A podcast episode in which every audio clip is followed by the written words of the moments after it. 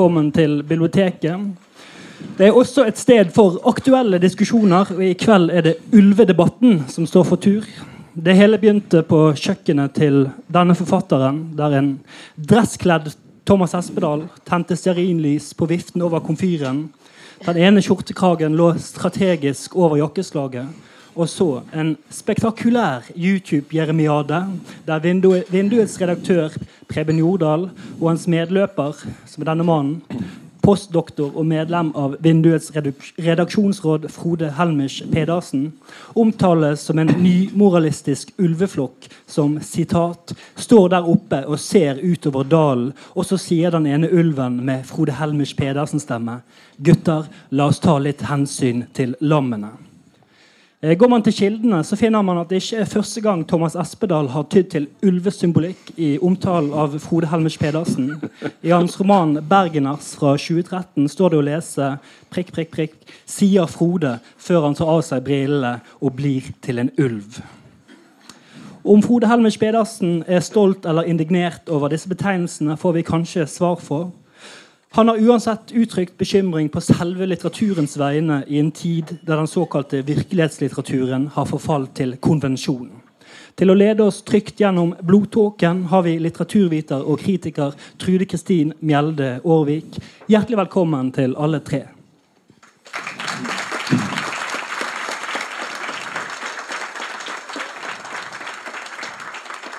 Ja, takk Erlend, for introduksjonen. Eh, jeg har også en liten introduksjon for å introdusere dette med den såkalte uh, virkelighetslitteraturen. Um, den såkalte virkelighetslitteraturen, altså en bestemt skrivemåte, eller en bestemt type romaner som av visse kritikere har fått navnet virkelighetslitteratur. Mitt navn er altså da, eh, som Ellen sa, eh, Trude Kristin Mjelde Aarvik. Eh, og da har jeg da altså da Frode Helmik Pedersen og Thomas Espedal her. Som, jeg har også da tenkt på dette her sitatet fra Thomas Espedals 'Bergeners' fra 2014. Og jeg, leser det i sin helhet, fordi jeg er veldig, siden det er så festlig. Frode Helmik Pedersen holder et foredrag i Ulvik om forvandling om kvelden på hotellet rom 101 med en liten terrasse som har utsikt mot et epletre, diskuterer vi, Erlend, Henning, Kristina, Frode og jeg Ovid. Skal vi si Ovid eller eh, Ovidius? Sier man Ovidius, signaliserer man at man behersker latin. Sier man Ovid, kan det bety at man behersker norsk, sier Frode før han tar av seg brillene og blir en ulv. Og Det er jo akkurat denne ulvebetegnelsen her som uh, vi gjerne vil uh, kanskje høre litt mer om. Det var litt fint skrevet, da. For det, det er jo akkurat sant, i, i, syvende sangen i, i 'Metamorfosen av Ovid' så er jo det første gang et menneske blir et dyr. Sant? Du har et, et, et, et øyeblikk hvor, hvor, Dafne blir et tre. Så, så liksom sånn, når han holdt dette her forvandlingsforedraget sitt om Asbjørnsens litteratur, så var det liksom fristende å, å Ambjørnsen, ja. Ambjørnsen. Ja så var det fristende å Og, og han ble tilfeldigvis en, en, en ulv. ja, jeg er spent på å høre mer om denne ulven. Men debatten i høst da, den har så, som har dreid seg om virkelighetslitteraturen, der har jo ord oppstått som eh, mangel på moral eh, og det postlitterære. Eh, Frode har til og med spekulert i om vi står overfor litteraturens endelikt. Um, Pga. selvsentrerte forfattere uten innsikt i den litterære tradisjonen.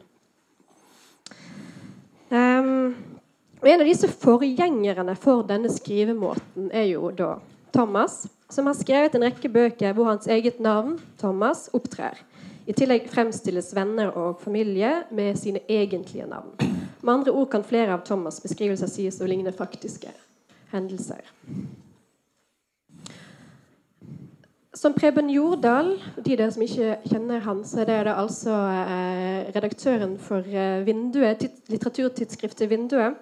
Um, han nevner i sin leder i dette omtalte vinduet eh, at du, Thomas, fra scenen i Louisiana litteraturfestival utenfor København, der du opptrer sammen med Karl Ove Knausgård i fjor i august at dere begge skriver selvbiografisk, og at måten dere skriver på, er sitat Thomas, et gammelt litterært prosjekt som kan føres langt tilbake til bekjennelseslitteraturen.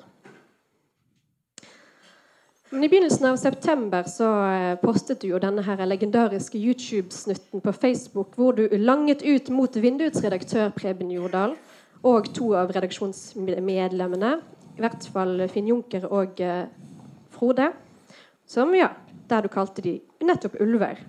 Hun anklaget dem for å være ulver som nærer forfatterforakt. Så nå, Thomas, vil du nå si noe om denne her, hva den kritikken din gikk ut på? Nei, det var ikke det som var planen, Trude Kristine. Planen var det at først skal jeg holde et, fem minutter innlegg helt fritt. Og så skal Frode holde sitt uh, fem minutter innlegg uh, helt fritt etterpå. Og så skal vi krangle! Og, og, og før vi begynner å slåss. Det, vi, for, for, jeg har forberedt en, en uh, forklaring på kort innføring i norsk litteraturhistorie. Alle forfattere, tror jeg, som, som skriver har vel et ønske om å sette et trykk på sin tid. Når en da studerer eh, som skrivende hva som har vært gjort i de ulike tiårene, så kan en godt se i forhold til norsk litteratur at det har vært noen skifter som har fulgt tiårene. Så på 50-tallet så brøt faktisk modernismen igjennom i Norge, og Pål Brekke skrev skrev eh, med helt annen lyrikk enn en det som hadde vært opp til da eh, normal i norsk litteratur. Og nå er det en veldig forenkling, så dette får vi ta det eh, nøyere etterpå. Her sitter et par stykker som kan, kan hjelpe oss underveis. 60-tallet slår den politiske litteraturen inn i, i, norsk litteratur. Og i min oppvekst så er det da 70-tallslitteraturen som står sterkest, representert ved da med Dag Solstad Liv Kølsov, Espen Håvardsholm og Profilkretsen. Det er den litteraturen som jeg eh, sjøl er vokst opp med, for det var da jeg begynte å bli et lesende menneske. På 80-tallet så kom det eh, en, en, en, et eksperimentelt innslag i norsk litteratur, vil jeg si. Eh, kanskje først og fremst med Jan Kjærstad, men, men, men også Fløgstad var, var begynt å eksperimentere med form. Og etter hvert utover på sent 80-tall så kommer Hanne Ørstavik med sine romaner som da glir over i, i 90-tallet. Hvor mange har sagt i ettertid at barndommen på en måte ble introdusert i, i, i norsk litteratur. Det kom en hel del debutanter som skrev om, om, om barndom. I 1996 um, satt jeg i, på min hybel i, i Dreisermeldingen og hadde følgende uh, personer i rommet. Det var Lars Ramsli, Monica Aasprung, Kristine Næss og Karl Ove Knausgård og et par andre. Det var en utrolig sterk periode i, i, Bergen. Med, fordi at eh, De forfatterne debuterte alle med veldig sterke bøker. Etter hvert Lars Ramsli med 'Biopsi', som etter min mening er en av de sterkeste debutene som har vært i, i nyere norsk litteratur. Kristine Næss hadde akkurat uh, debutert med 'Obladi', en diktsamling som også forandret uh, mener jeg, norsk lyrikk. Og Monica Aasprung debuterte med en bok som het 'Mellom Alex Skåbeløv og, og, og, meg'. Og Karl Ove hadde ennå ikke debutert. Ramsli sin bok handlet om eh, en far, eh, tilsynelatende hans eget, og hans oppvekst i Høyanger, og, om boksing. Eh, Aasprung sin bok 'Mellom Alex Goblev og meg' var også en, en, en, en tilnærmet lik selvbiografisk eh, forsøk. Kristine Næss Obladi har også begynt å trekke inn elementer fra sitt, sitt, fra sitt eget erfaringsområde. Samtidig eh, ble Stig Larsson, altså poeten eh, Stig Larsson invitert til Skrivekunstakademiet i Bergen og holdt et fryktelig foredrag. Han hadde nettopp utgitt uh, var det, i alle fall en av diktsamlingene, 'Natta de mine', hvor han da for første gang i svensk lyrikk brukte seg sjøl sitt eget navn. Eh, sablet ned noen svenske kritikere, brukte navnene deres, og hadde da uh, også skrevet et essay om at nå skal den skjønnlitterære uh, praksisen brytes ned. Og her er måten det ble gjort på. Og det var en, en, når vi da gikk til, til diktsamlingen hans, så var det bøker som fikk veldig stor betydning for de som hørte han, fordi det, viste noe helt annet enn en, noe av det vi hittil hadde sett eh, i skjønnlitteratur. Nemlig bl.a. at skjønnlitteraturen kunne bli ubehagelig igjen. Og på en måte, akkurat i 1996 og, og, og når, ikke kunne en ta opp igjen det politiske som var gjort eh, så sterkt på av forgjengere. Hva var det som var løsningen hvis en hadde lyst til å sette dette trykket på norsk litteratur? Det gikk diskusjonen om. Og Pga. At, dette, at det var et sterkt forfattermiljø og at det var sterke personligheter, så ble det diskutert alt fra jeg husker at Vi diskuterte i grunnen mest Marcel Proust, og, og det, de forelesningene var, nei, de oversettelsene var ferdige. Og hva vi kunne, bruke den øh, øh, måten å skrive på i, i, norsk litteratur. Så jeg skrev en bok som het 'Blond', øh, hvilket jeg tror var en av de første hvor alle navn var, var riktig. Og så som kjent to år etterpå så kom Knausgård med sin debutroman. Som da var en tredjepersonsroman, Henrik Wankel, men hadde selvbiografiske elementer. Så det var liksom akkurat så det var, Dette var kimen til det som seinere egentlig skulle slå inn for full kraft med Min kamp-serien. Som jeg mener tok mange av de erfaringene og diskusjonene som hadde vært gjort, og gjennomførte det i eh, romanform. Så det var kort, eh, det som skjedde. Og da eh, føltes jo det for alle de som var involvert, som om litteraturen fikk en enorm kraft. Det skjedde noe i norsk litteratur. Hvem hadde sagt at du skulle kunne ligge ned på sengen og, og lese en Jan Kjærstad-bok for å sove bedre? Det var, det var, den norske litteraturen var etter mine begreper på det tidspunktet helt daukjørt. Lars Saabye Christensen og, og, og, sitter på et tidspunkt og sier at, at, at, de folkene som han skrev om i Beatles, sitter nede på, på Valkyrien eller på Tranen og drikker øl. Forfatterne snakket som om de romanfigurene Og Elling Annbjørnsen ble hele tiden spurt hvordan går det med Elling. Elling det, jeg tror han, han kanskje stemmer Arbeiderpartiet. Nei Og, og, og dette, dette, var, dette, var, det miljøet og, den kulturen som, som, vi da arbeidet i. Og det var et radikalt brudd med den romanskrivingen som, som var på 90-tallet, som, som, ble innført med, med noen av de bøkene vi skrev. Og det hadde den kraften. så nå er du på begynnelsen av 2000-tallet? Ja. Det hadde den kraften. Og, og der skal jeg slutte jeg skal slutte der med den kraften. For det, det som nå er trist for meg å være vitne til, det er at plutselig den samtlige litteraturfeltet har liksom samlet seg om én ting. Da, og det er nå må vi få slutt på den virkelighetslitteraturen. Så Det får jeg spørre Frode og andre om etterpå. Hva, hva, i all verden er det som har skjedd? Når ble litteraturvitenskapen så konservativ? Og når er det fremdeles ikke mulig å se at faktisk noen av de beste bøkene som skrives i litteratur, skrives som et resultat av de bøkene som er skrevet da, og som fremdeles skrives? Det er min, mitt utgangspunkt for denne samtalen. Ja, men da skal vi huske på disse spørsmålene. Eh, og så jeg kan jo kort si noe eh, om, om Frode sin rolle i denne debatten for de av dere som ikke har eh, fulgt med på det så godt. Eh, altså han eh, Frode eh, i litteraturtidsskriftet Vinduet, der du de siste par årene har sittet i redaksjonsrådet, så har du skrevet en artikkel med tittel 'Mot en postlitterær tilstand'. Noen refleksjoner over den såkalte virkelighetslitteraturen.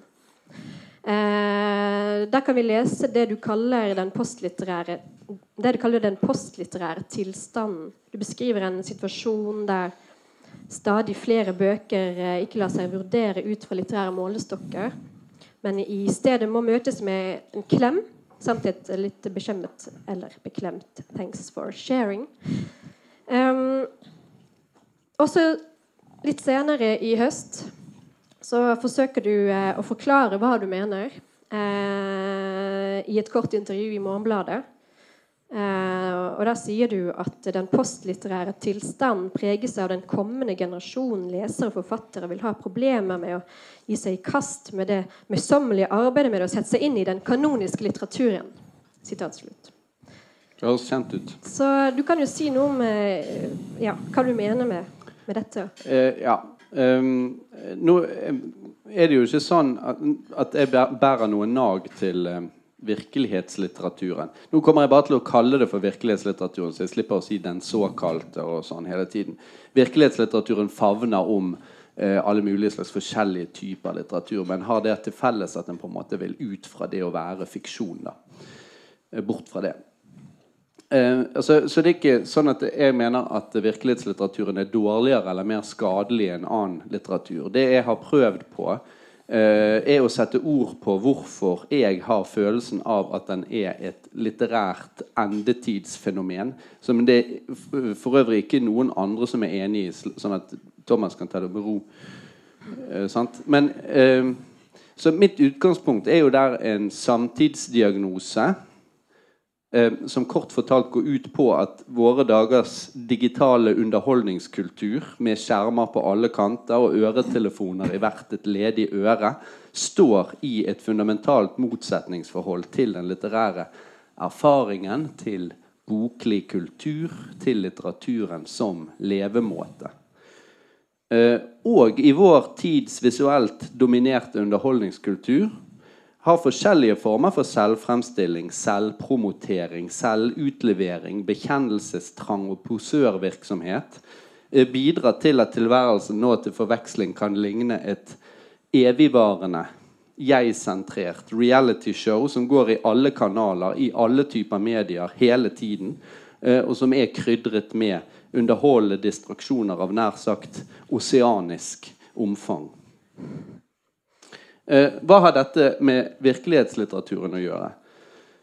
Eh, I utgangspunktet, når vi snakker om den første bølgen av virkelighetsforfattere som eh, Thomas nettopp nevnte, så gjør jo ikke de noe annet enn å respondere på sin tid, som han har gjort rede for nå, med den teften og intuisjonen som ofte kjennetegner gode forfattere. Så når den selvbiografiske virkelighetslitteraturen nå er blitt vår egen epokes definerende litteratur, så er det nettopp fordi den så presist responderer på tidsånden. Uh, virkelighetslitteraturen er et uttrykk for vår tid, og tiden higer etter det som er ekte, det som er autentisk. Muligens fordi hele denne digitale kulturen virker så grunnleggende fake. Uansett, fremtidende forfattere har nå utviklet en avsmak for det å skulle dikte. De vil skrive, men de vil ikke dikte. Noen av dem vil ikke engang fortelle. Og dette mener jeg altså er et symptom. Det betyr ikke at Telemarksromanen eller Min Kamp-bøkene eller uh, Mot kunsten og naturen er dårlige bøker. Men det betyr kanskje at de bærer bud om dårlige tider sett fra litteraturens standpunkt. På hvilken måte dårlige tider? Vel, jeg mener altså å se at på denne første generasjonen av virkelighetsforfattere følger det en ny generasjon som også gjerne vil skrive om seg og sitt. Hva er problemet med det? Har ikke mange forfattere til ulike tider skrevet om seg og sitt? Jo. Men forskjellen er at de gjorde det innenfor en litterær kultur. Og vi lever ikke lenger i en litterær kultur. Vi lever, lever i en visuell og auditiv kultur. Og det er en utålmodig kultur som gjør oss overstimulerte, blaserte, ukonsentrerte. For å si det helt kort, det som er, da er mitt syn, så er det slik, tror jeg, at litteraturen har to primære kilder. Den ene er forfatterens egne erfaringer. Den andre er annen litteratur, altså fortidens verker. Eh, og god litteratur er alltid i høy grad smidd av det stoffet som fortidens verker er laget av. Sånn at Det går ikke an å rett og slett sette seg ned og skrive nådeløst ærlig om sitt eget liv og på den måten skape verdifull litteratur. For litterært sett er nesten alt du har opplevd, enten klisjeer eller trivialiteter. For å kunne gjøre noe ut av tingene, så må du ha et intimt, intenst, ambivalent forhold til store litterære verker. De må hjemsøke deg. De må tenne din fantasi.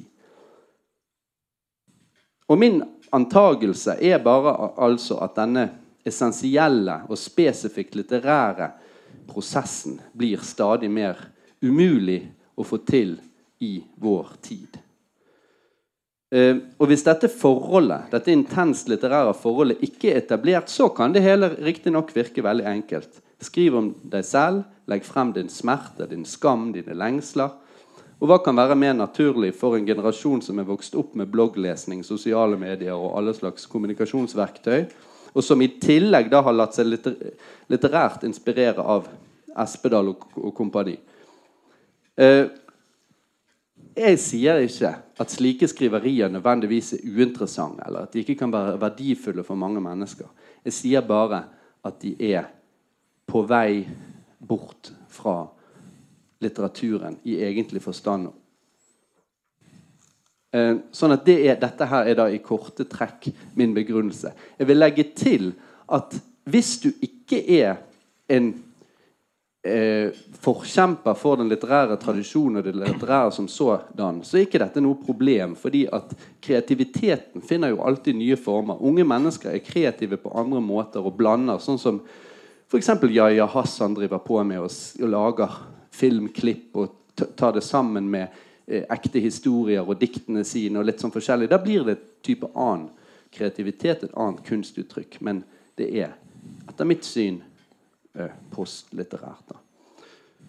Så hvis dette høres veldig, veldig gammeldags ut, så vil jeg bare si nettopp.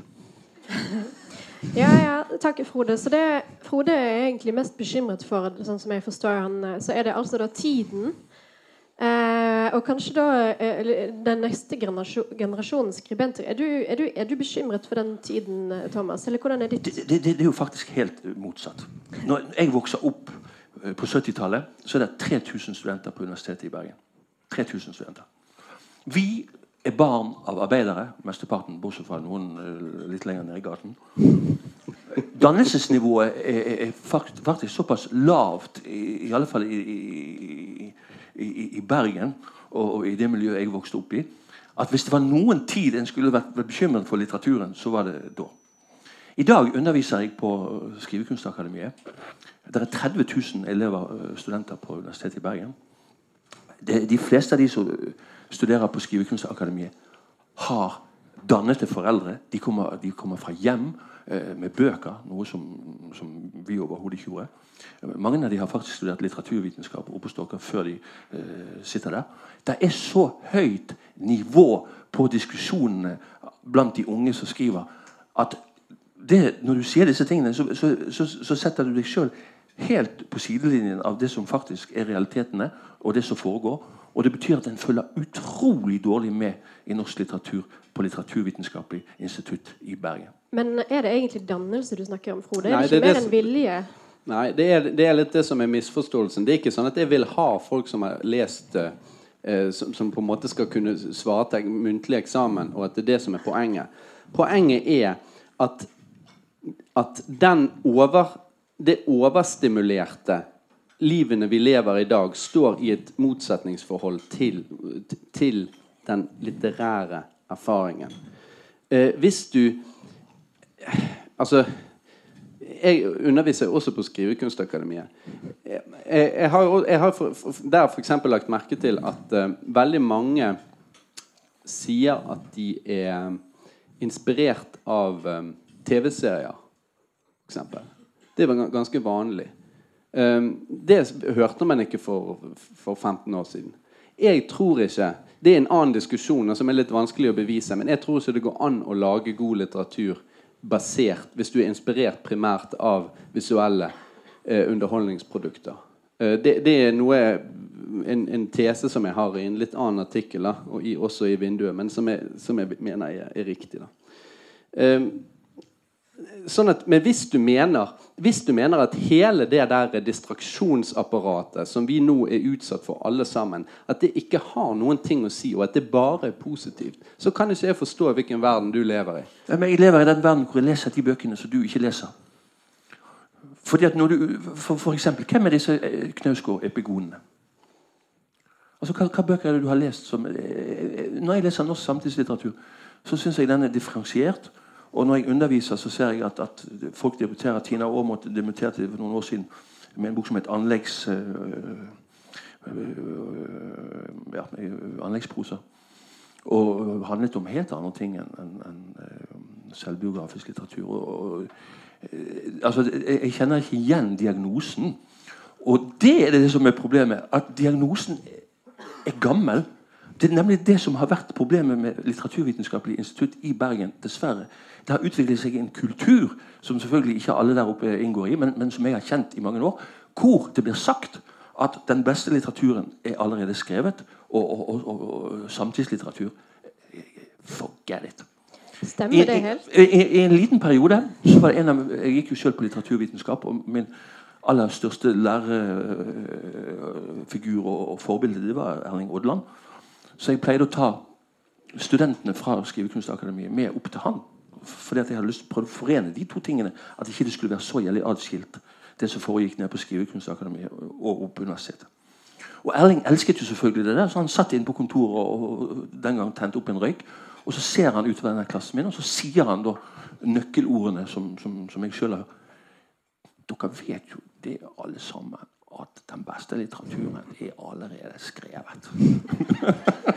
Ja, eh, vi har alle, Ja, hørt akkurat, jo vi har allerede hørt akkurat det. Men jeg er jo helt sikker på Her sitter det jo flere av de som er ansatt på litteraturvitenskap. Og jeg vil jo tro at både eh, Per Buvik og Erik Berg-Hagen, som sitter her, for eksempel, og Frode, også meg selv, eh, er litt, litt uenig i det. For dette, Å, nå blir du plutselig litteraturviter. vi skriver jo også om eh, Nei, nei, men vi skriver jo også om, eh, om å interessere seg for og Frode er jo også med i Kritisk kvartett. Og eh, er også interessert i samtidslitteratur. Derfor er det forbløffende at han kommer til de konklusjonene som han gjør. For det høres ut som fyren lever på 1700-tallet. Endetid og, og, og jeg, jeg pleier å si én ting. Hvis Goethe hadde søkt på Skrivekunstakademiet i dag, så hadde han ikke kommet inn. Eh, Det tror jeg han hadde. Men, eh, men det vil jo i så fall ikke være et, noe positivt, et positivt utsagn om Skrivekunstakademiet. Tvert imot. Så jeg vet ikke om hva du mente med det. Men At tiden har forandret seg. Ja, ja, jo Men, men det, det Erling sier, er jo selvfølgelig objektivt sett riktig. Den beste litteraturen er jo selvfølgelig allerede skrevet. Det Ja, sier det- seg det- selv. Nei, det sier seg Det er, jo mye mer, det er jo mye mer alvorlig å ikke være opptatt av den tradisjonelle litteraturen, kanon, enn enn øh, å ikke være så veldig opptatt av samtidslitteraturen. Det er mye mer alvorlig. Det å ikke være spesielt opptatt av samtidslitteraturen, det, det er ikke spesielt alvorlig. Men, eh, men eh, eh, Men jeg er jo en av de som har lest mest samtidslitteratur der oppe, og holdt på med det jevnt og trutt i 20 år. Sånn at jeg har jo men hele tiden søkt. Les det, negativt. Og det, det er jo det som er problemet, og som fører til at jeg står og, og lager denne videoen. For vi har hørt på deg og Preben helt fra Vagant-tiden. Og, og, og, og selv om du leser eh, samtidslitteratur, så leser du den med negativitet. Og, og, og det eh, etter hvert er jo eh, et av mine spørsmål. Hvor kommer den fra?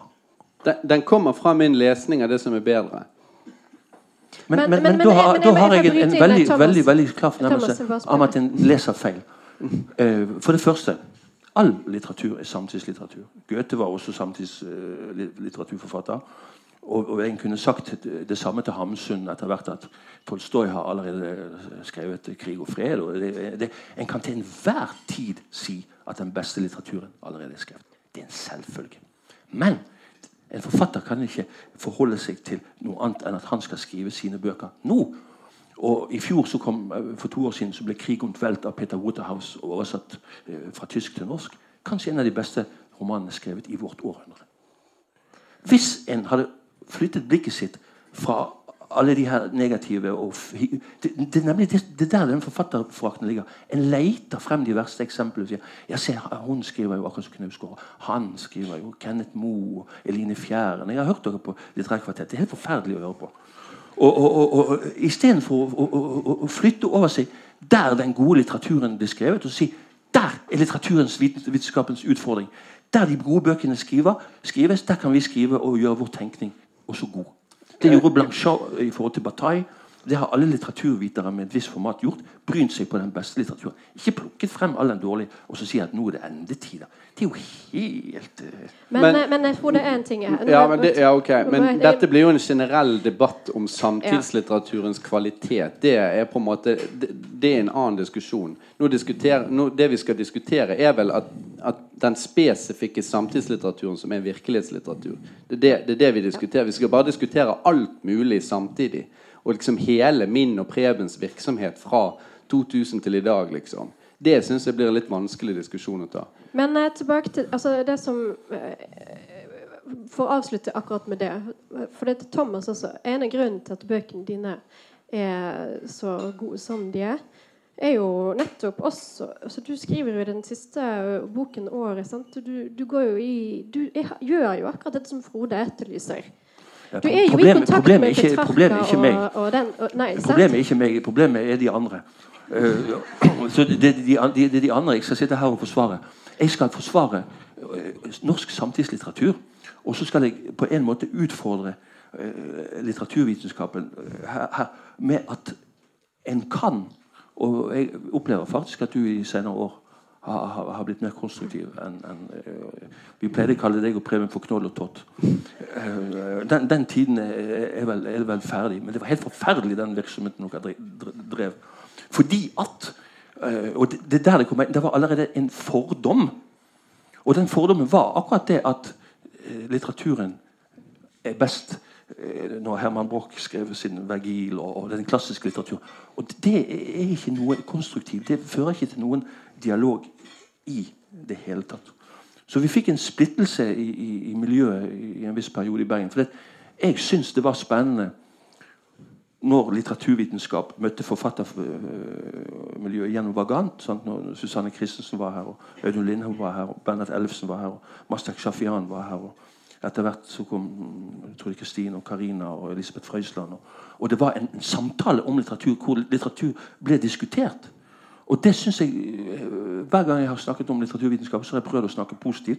Og sagt at, at det er en mulighet, hvis litteraturvitenskapen og kritikken er god, til at også samtidslitteraturen kan bli bedre. Men da kan han ikke avfeies med sånne forferdelig store eh, diagnoser som at Noe av dette som Thomas eh, snakker om nå, det er helt sant. Dette er jo på en måte en, en diskusjon som har pågått i Bergens litteraturmiljø eh, i, en, eh, i, hvert fall i de siste ti årene. Eh, det står jo så Noen av dere husker vel kanskje en, en diskusjon på Bien bar i 2007 eh, der eh, du gikk Thomas til angrep på Tom Frode og Preben Jordal, eh, der du sier at eh, du holdt en tale der du mente at de var for opphengt i kanonisk litteratur og anerkjente amerikanske forfattere. Men jeg gikk ikke til angrep på de. Det var de som allerede hadde gått til angrep nesten på samtlige av de som var mine venner i den i, i, sa- sant? Erling Odland hadde blitt kalt løsmiddelskadet når han kom med sin debutbok av Preben. Altså, Øyvind Odland. Ja. Altså, det, var sånn, det var sånn helt eh, Og så, så begynte en å få en følelse hva er det de egentlig vil? Altså, hva, hva eh, Vil en samtidslitteratur noe eh, positivt? Eller, eh, så, så det har det, har, det har jeg vel, det samme spørsmålet har jeg ennå. For det, nå dukker det opp igjen, da, selv om du har blitt en snill mann i- og driver eh, litt- eh, litterær kvartett, så dukker det opp igjen i, i, i, i, i analysene dine, Frode. her. Men, men, men Thomas, skal vi diskutere hele samtidslitteraturens kvalitet? Hvordan, hvordan i alle dager Nei, det har skal ikke vi tid til. Du skriver her. Altså, vi, kan, kan, kan, vi, kan vi være så snille å, å, diskutere denne virkelighetslitteraturen som vi nå er her for å snakke om? La oss gjøre det. Ja. Så, så da er jo spørsmålet hva er de spesifikke problemene som oppstår når man skriver virkelighetslitteratur? Sant? Og da, tror du Kristin, kan vi vel komme inn på dette med, med, med moral. For det er jo det som ligger i Det var jo det som lå til grunn for, for denne debatten her. Uh, uh, og det var vel kanskje det som jeg reagerte mest på òg i din eh, eh, artikkel, Frode. Sant? Det var jo dette med, med moralen.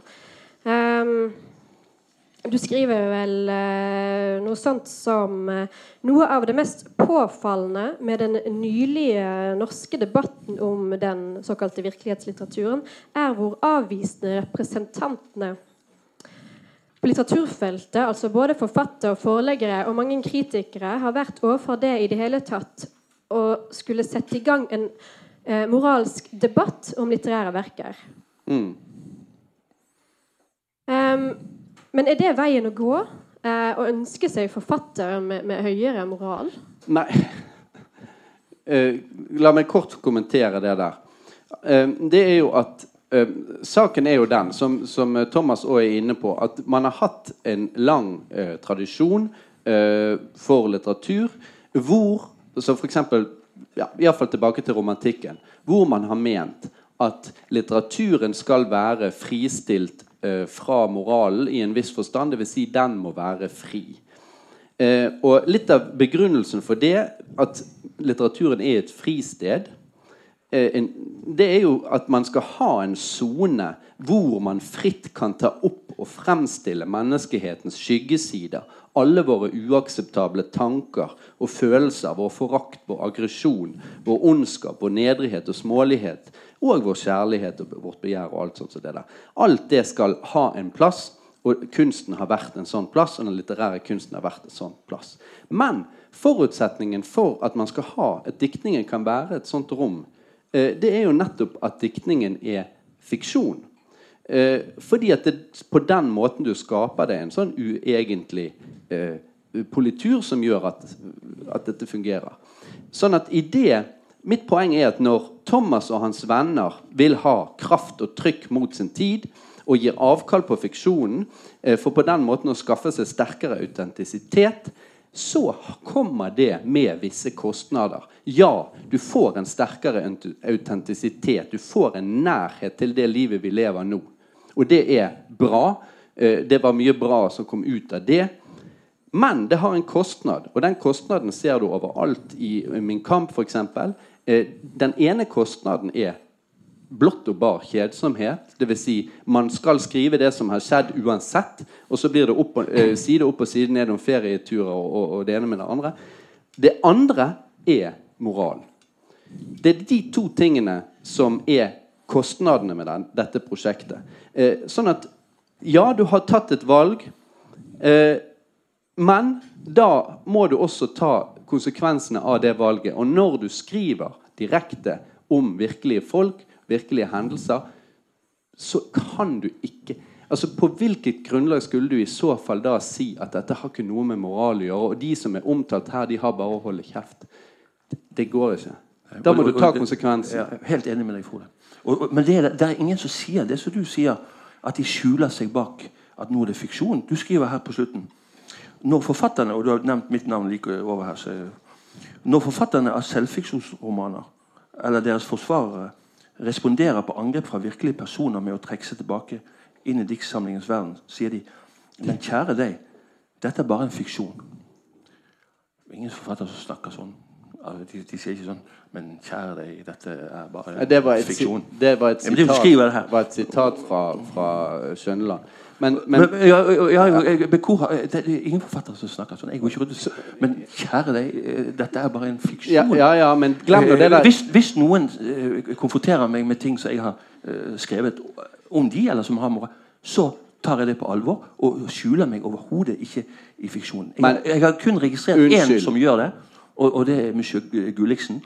Eh, ellers kan jeg ikke si hvem som har, har trukket det kortet og sagt at uh, Mener du i fullt alvor at når uh, virkelighetens personer uh, har slått tilbake helt siden hun der, der venninnen til Hanne Ørstavik med den jævla tekoppen Mener du i fullt alvor at det litterære miljøet har stått og tatt imot med åpne armer og sagt ja, dette skal vi ta på alvor, dette er viktige innvendinger? Tvert imot. Det har hele tiden vært snakk om at dette her er, er, folk som ikke forstår hva litteratur er, hva kunst er, hva som skjer når du skriver, og dermed omformer virkeligheten og blir noe helt annet. At du kan, du kan altså, du, eh, eh, Nå har ikke jeg forberedt noe dokumentasjon, men det er klart hvis du skal hevde det, at forfatterne hele tiden har vært åpne for å ta den type debatter, så vil jeg på det sterkeste motsette med det det, det, er mulig at du alltid har gjort det. Det, det, det kan godt hende. Men, eh, sånn har det vært. men i, i, samme vindu her så er det jo en, en annen tekst som du kritiserer i din YouTube-snutt, som eh, Finn Junker har skrevet. Eh, eh, om tiden eh, etter eh, virkelighetslitteraturen. Men kan vi bare vente litt, litt ja, med det? Nei, jeg skal ta neste, neste, neste spørsmål. Nei, nei, nei, nei, nei jeg, jeg, jeg, har skrevet moral. Dette er jo hovedpunktet i, i, i Frode sin uh, artikkel. Siden vi snakker om moral, Frode Er Vigdis Hjorts far et offer? Nei. Akkurat. Spørsmål nummer to. Er Geir Gulliksens ekskone et offer? Det vet jeg ikke. Nei, jeg svarer på det også. Og da må jeg spørre deg en ting. Hvorfor tar litteraturviterne umiddelbart forsvarsstandpunkt for Vigdis Hjorts far og Geir Gulliksens ekskone. Altså okay, eh, ofrene. Det har jeg overhodet ikke Thomas, gjort. eh, Ja, vi snakker jo om moral. På- Ja, det gjør vi. Det gjør vi, Men det er jo ikke sånn at moral betyr at forfatteren alltid har feil, og de som er omtalt, alltid hadde rett. Det er jo Nemlig. Ikke, det, nei, selvfølgelig ikke. Og tror ikke du forfatteren har Men reflektert over det spørsmålet om moral? Selv om Preben Jordan skriver at nå må de bli voksne, så har ikke Vigdis Hjorth voksen. Ikke, ikke Geir Gulliksen voksen. Selvfølgelig har de reflektert over dette. Det var Vigdis Hjorth som mest sannsynlig var et offer. Og, og, og, og har vel rett til Helt enig. helt enig. Og, og, og Geir Gulliksen kone var, knu, var utro og, og knuste vel antagelig Geir Gulliksen. Men skal vi liksom synes synd på hun, da? Fordi at Geir Gulliksen Alt det der er helt greit. Hvem er det du forsvarer? Jeg, jeg, få si nå? jeg forsvarer det synspunkt at man kan diskutere moral og litteratur uten at folk skal trenge å gå fra konseptene. Hvis du er enig i det, så er vi helt enig. Det, det, det, er en vurdering som du må ta fra gang til gang. Det er ikke sånn at alt det er opp og avgjort. Hvis hvis, hvis eh, en person går ut og skal eh, angripe en eller annen eh, forfatter fordi at de er blitt fremstilt på den og den måten, og du skal vurdere det moralsk, så må det vurderes konkret i hvert enkelt tilfelle. Men så lenge du er med på at det går an å gjøre, så er vi enige. Så Men det er vel ikke sånn det er, da? At det handler jo ikke om dere, oss forfatterne, og dere kritikerne og litteraturviterne. Vi må jo kunne ha en mer nyanisert eh, diskusjon enn som så. Eh, Det er ikke oppgaven, jeg det er ikke oppgaven her i kveld. Jo, jo. Jo, jo for det, nå- du, kan, nå du kan Ingunn Økland, som, som skriver i Aftenposten eh, eh, Jeg vil jo si, som, også som kritiker, og, eh, og, og, og kanskje også Mitt inntrykk er at Frode delvis enig i det. sant? At her vendes jo fokuset vekk ifra det eh, litterære. Og her er det bare snakk om en slags, eh, en slags eh, påskudd for å snakke om etikk, mens man egentlig heller ønsker å, en, å booste klikktelleren. Det bra- Eh, det er og jeg tenker, jeg tenker også at den diskusjonen som har pågått i høst for om eh, den litteraturkritikken har vært eh, feil og smålig. Eh, og jeg tenker at det kanskje heller vi skal snakke om den postlitterære kritikken heller enn litteraturen. fordi Fordi at den har dreid seg om etikk og moral og på feil premisser. eh, og den diskuterer ikke litteraturen overhodet. Og? Ja, ja, Da, da kommer jeg tilbake til Fine Junker, eh, som drømmer om det nylitterære eh, som skal komme når virkelighetsforfatterne forstår at de er Se og Hør-reportere i sitt eget liv.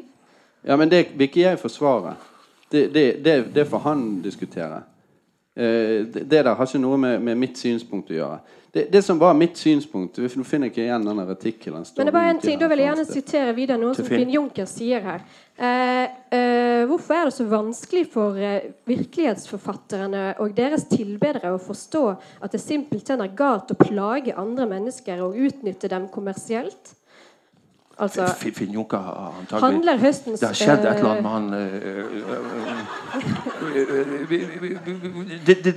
med han Frode tar vi på alvor, og, og til og med Preben Jorba. Finnjoka vet vi ikke hva som har skjedd med. Eh, altså, jeg vil, heller, jeg vil eh, også helst slippe å forsvare Vi, vi glemmer Finn de eh, uttalelsene der. Eh, eh, eh, eh, det er jo sånn er sånn, eh, Han er kanskje på vei til å bli sånn alternativ behandler med sånn healing. Og spåmann. Han, han, han spår Han spår om et eller annet her som kommer. Men, men hør. Altså, eh, mitt poeng er vel kort fortalt at hvis du skriver virkelighetslitteratur og utleverer f.eks.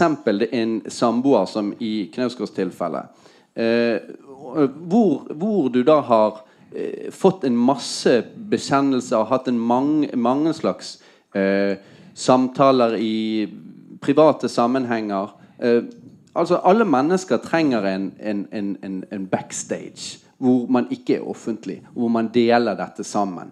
Og Så skal det gå en stund, og så kommer alt dette frem i en offentlig roman. Det er klart det har en moralsk dimensjon. Helt enig.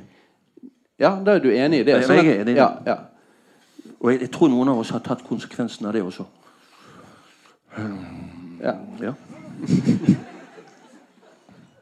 Så, så, så egentlig er mitt, mitt poeng er vel egentlig bare at i visse tilfeller så kan et sånt moralsk forhold bryte inn i den litterære vurderingen fordi at den rett og slett blir en del av din lesererfaring, der du tenker på dette. ikke dette jævlig sjofelt gjort.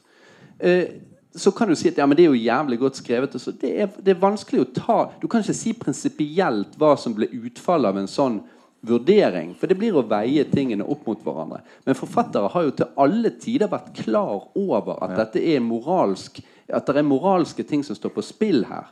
Uh, jeg har jo noen eksempler i, i, min artikkel bl.a. fra Thomas Mann og hans portrett. Uh, litt lite flatterende portrett av kollega, eldre kollega Gerhard Hauptmann. Thomas Mann visste jo hva han gjorde. Han visste utmerket godt at han kom til å bli uh, veldig såret og sur. Men han ofret det vennskapet fordi at han trengte den karakteren.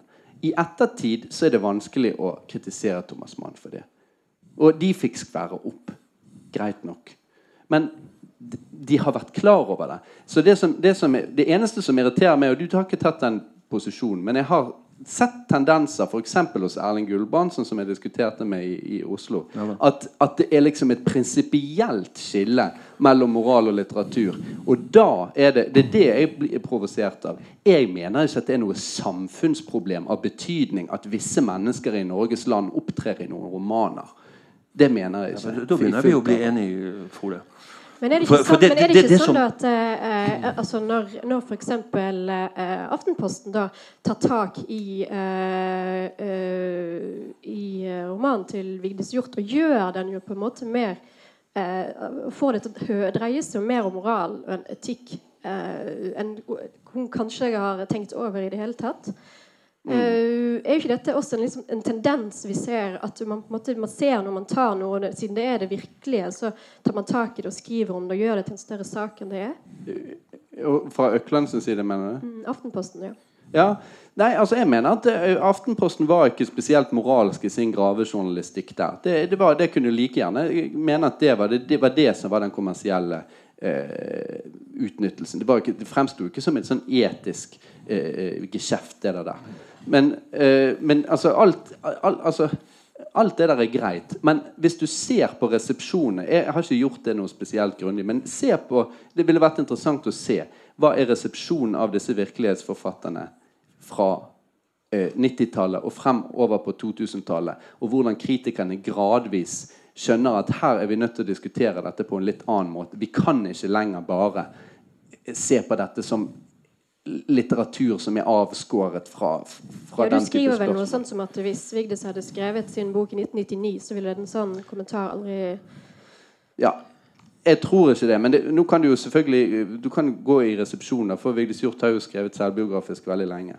Og så kan du se. Men jeg, det var iallfall ikke vanlig. Du så det jo veldig tydelig i Gro Jørstad Nilsens første anmeldelse av Min kamp 1, hvor hun rett og slett ikke torde å anta at dette var selvbiografisk.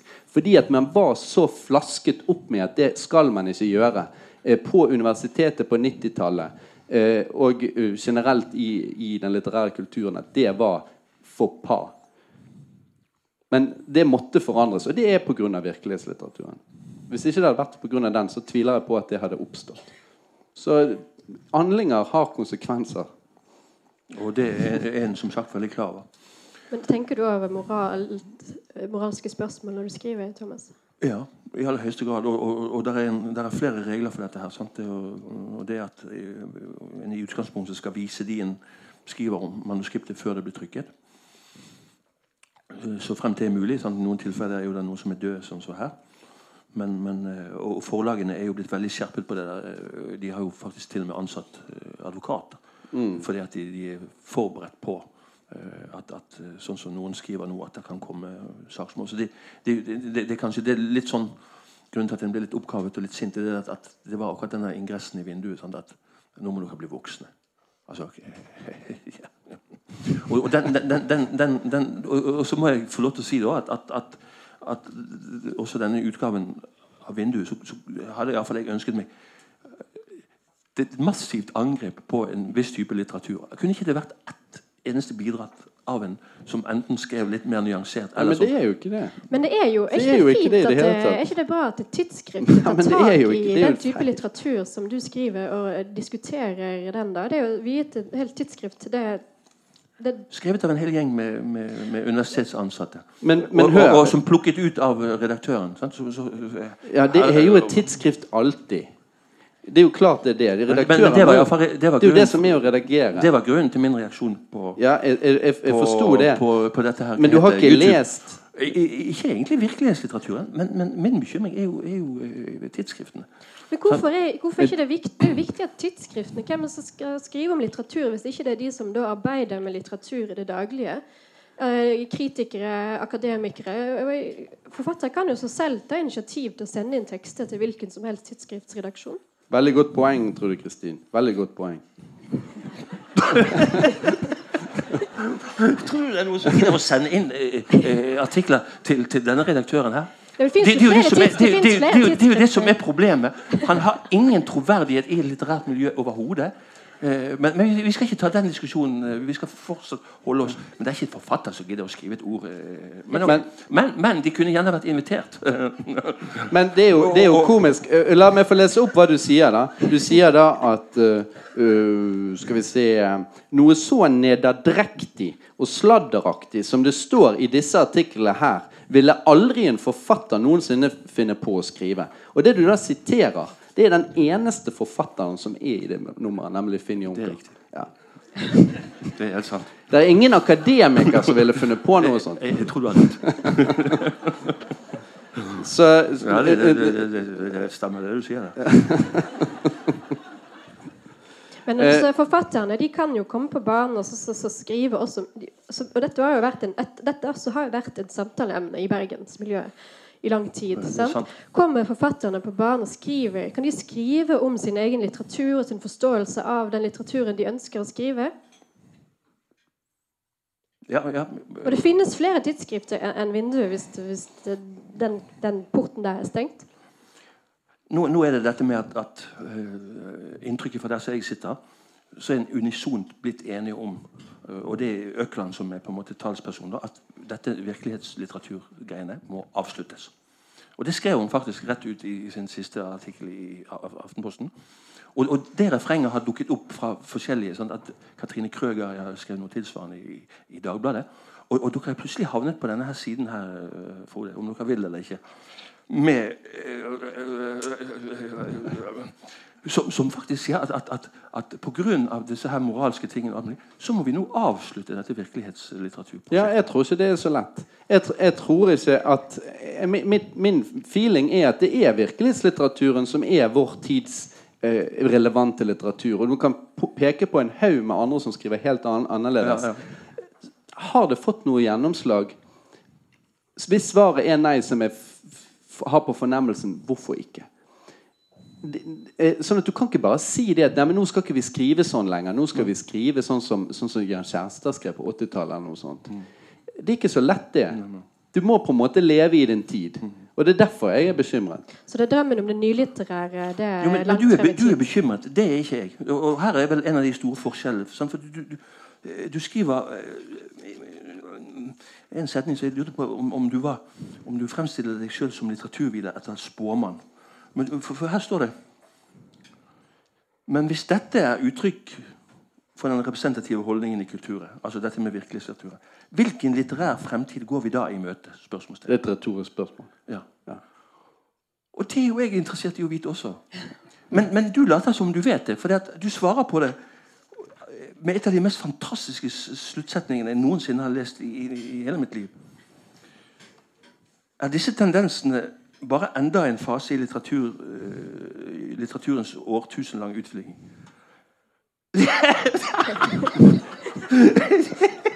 Unnskyld. Det kan man kanskje håpe på. Men vi kan likevel ikke se bort fra at vår egen samtids postlitterære strømning faktisk representerer slutten på hele den skriftkulturen vi i fremtiden kanskje vil komme til å tenke på som litteraturens æra. Det tar ikke du alvorlig. Nei. Men tror du det, Frode?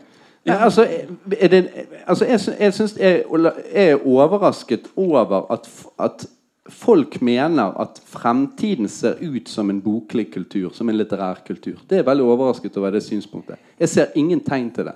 Jeg ser en, en eh, visualitetskultur, en digital kultur med alle slags skjermer og snutter og gre greier.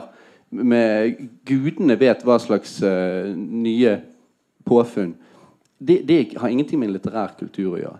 Hvis du mener at alle disse tingene her som de barna utsattes for nå fra, fra de er liten, at, de, at, at folk kommer til å si nei til hele det der, og sette seg ned, slå av datamaskinen, slå av Internett, lese og holde på med det Hvis du mener at det er fremtiden, så eh, vil jeg jo si at du er en eh, optimist på litteraturens vegne. Eh, og jeg håper du har rett, men jeg jeg, ser det ikke. det er jeg også delvis fordi at så- som jeg skisserte helt innledningsvis, at jeg, jeg kommer fra en bakgrunn hvor det nesten ikke ble lest bøker. Og, og hvor det var 2000 studenter, 3000 på universitetet, og det er nå 30 000. Og opplever at den generasjonen som nå kommer, er mye mer belest øh, og, og klar over tradisjonen enn enn det jeg sjøl var. Så jeg, jeg, kan, jeg kan virkelig ikke se hvem disse forfatterne som skulle øh, fremkalle denne frykten hos deg, hvem de egentlig er. Og, og, og, og, som sagt, jeg, jeg har ikke lyst til å være så frekk lenger, men, men jeg, jeg syns det er en litt sånn nostalgisk, konservativ undertone i det der. Så må jeg bare si én ting. Og jeg er heller ikke noen som skal sitte og belære om sosialisme. Men hvis det, hvis det er én ting som er helt sikkert, så i all sosialistisk tenkning så kan du bare glemme tanken om et privatliv.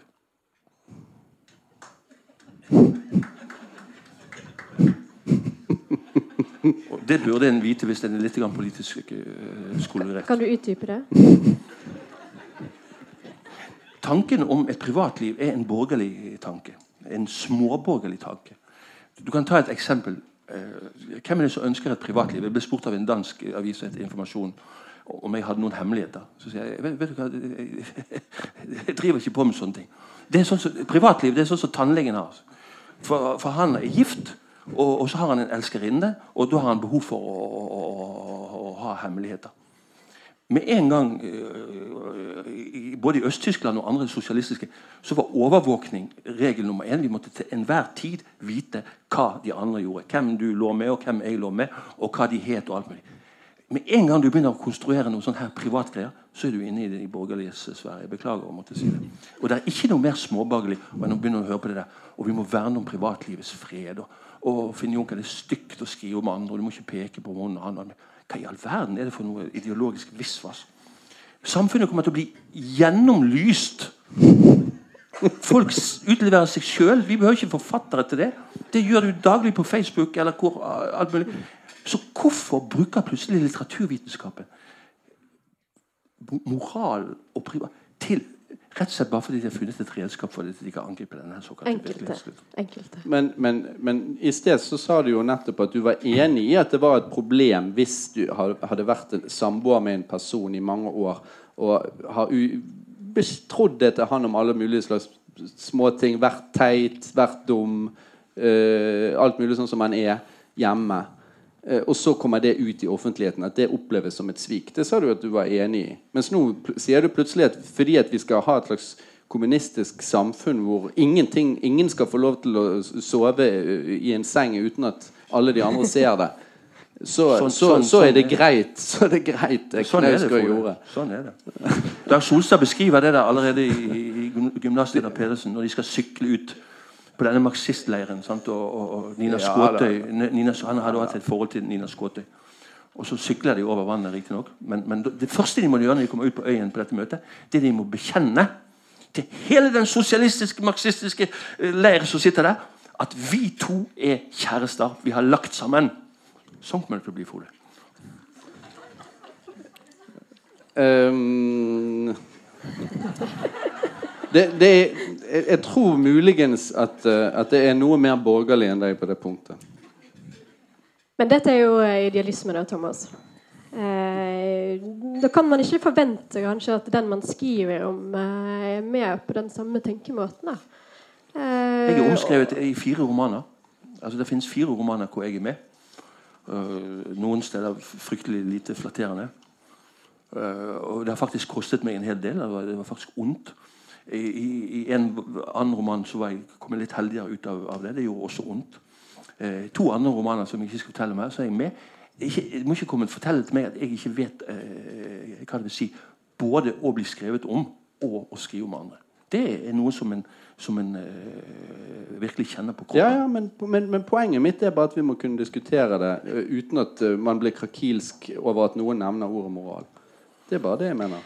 Ja, men jeg, jeg har en følelse av at, det, at det, det, det, det liksom en har oppdaget et redskap til nettopp Ja, men jeg har ikke Du kan gå gjennom mine anmeldelser så kan du se om jeg har hatt noen agenda om å angripe virkelighetslitteraturen. Jeg har jo ikke det.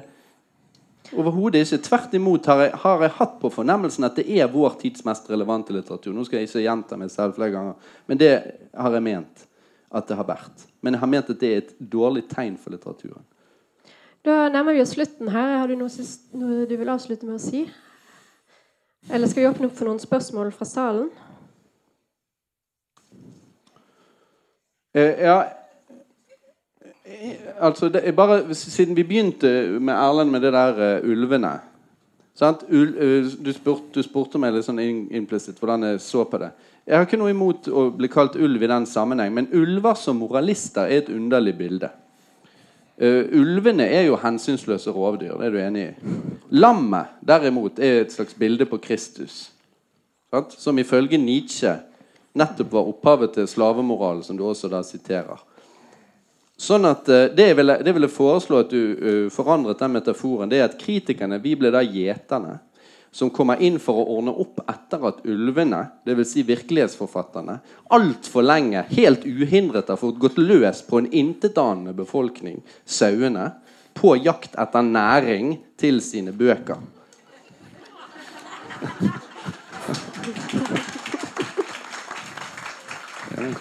Jeg har laget en tilsvarende, da. Vil du høre den?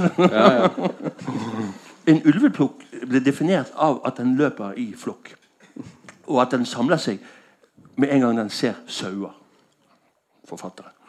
Um, uh, hvorfor har nå litteraturvitenskapen på en måte eh, blitt enig, på tross av store forskjeller i de som, som skriver, om at en skal gå løs på disse her sauene. Det, er jo liksom, det, det sitter igjen med et stort spørsmål. Altså, Hvorfor ønsker en denne litteraturen avsluttet?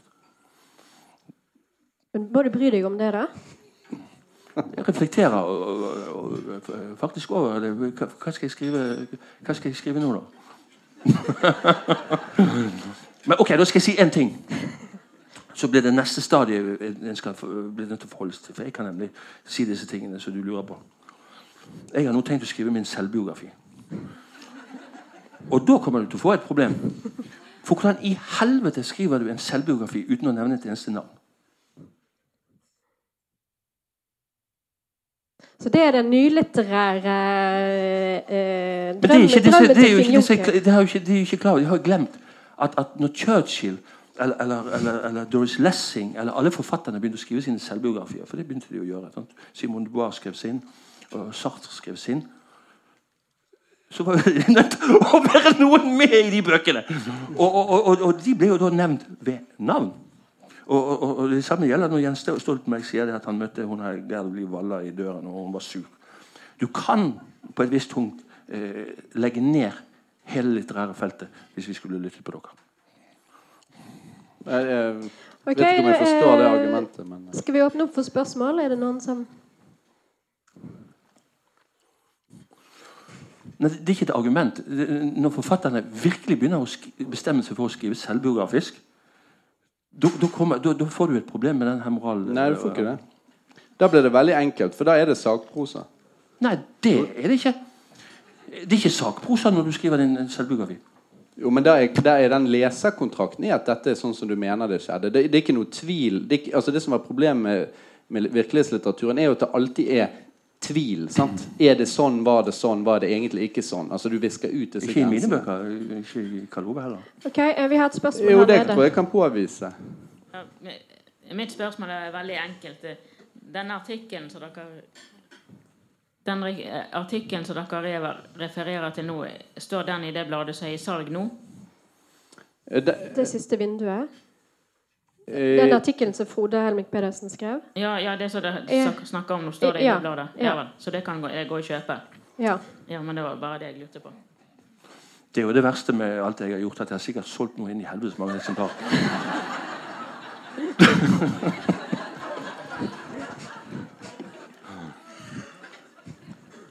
Vinduet selger normalt sånn i 200-300 eksemplarer. Etter at jeg laget det der på YouTube, så har jo de solgt flere tusen. Så jeg er jo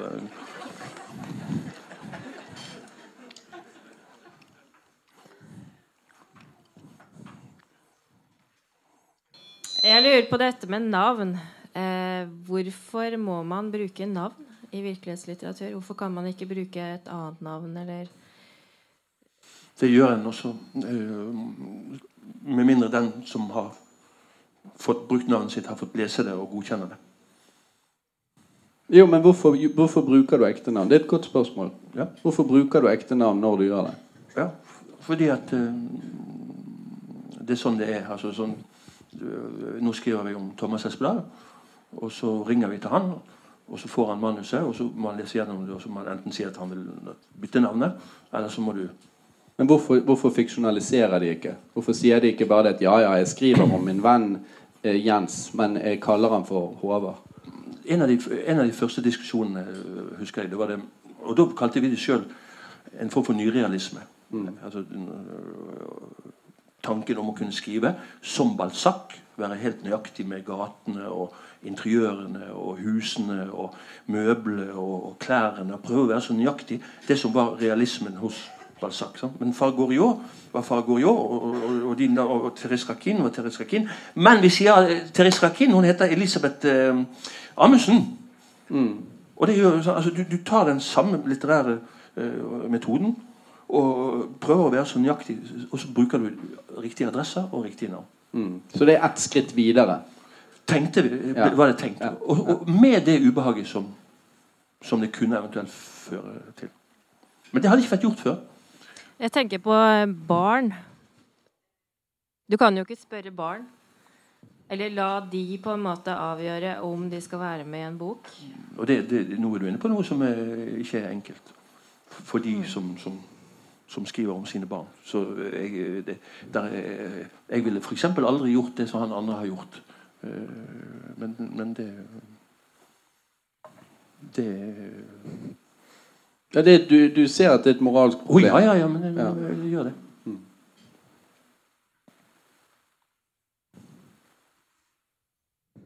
Ja, altså det, det er jo ikke noe mer enn at, at, at Og det har vel jeg også skrevet om at når, når Knausgård sine bøker kom Jeg lå jo i sjokk. Altså, det, det er jo ikke sånn at som forfatter jeg, lå sammen med min kjæreste. Vi, lå, for det, vi, vi hadde måttet ha to eksemplarer av hver jævlig Min Kamp-bok. Og så lå vi sånn så, så tenkte jeg, helvete, er fyren ikke riktig klok? Mm. Sånn leste jeg omtrent hele tiden. Det, det må jeg innrømme. Og det fikk enorme konsekvenser for meg. øh, At, at, mitt, at jeg, jeg hadde ikke lyst til å ødelegge hans prosjekt. For han, han ringte og sa det. Vi kan forandre navnet ditt og sted og adressen og alt det der. Med noen, sånn, sånn, så sier jeg men, men, men, men jeg har ikke lyst til å være den som ødelegger ditt prosjekt. Så hvis du har skrevet det, så skriv nå det, da, for helvete, din idiot. Din forbannede jævlige kuk. Og så, så, så gjorde han det. Og det måtte jeg betale for med, med, med mange år. Med, det sto i Bergenstien at jeg var torpedo. Naboen min som bor ved siden av meg i rekkehuset. Han kom ut og sa Thomas, er det, er det trygt å bo her ved siden av deg? Hvem er Det sto i Bergenstien at jeg var torpedo fordi jeg hadde truet en fyr med bank. Sånn, så det var, det var, og, og, og, og jeg, hadde, jeg hadde politi og, røvere og Jeg har virkelig betalt for, for denne, jeg har virkelig betalt for denne helvetes virkelighetslitteraturen. Skal vi avslutte med ordene 'Den helvetes virkelighetslitteraturen'? Hvis ikke det er flere spørsmål Da tror jeg jeg sier tusen hjertelig takk til panelet ved Trude Kristin Mell Aarvik, Thomas Espedal og Frode Helmut Pedersen. Takk for oppmøtet, og vel hjem.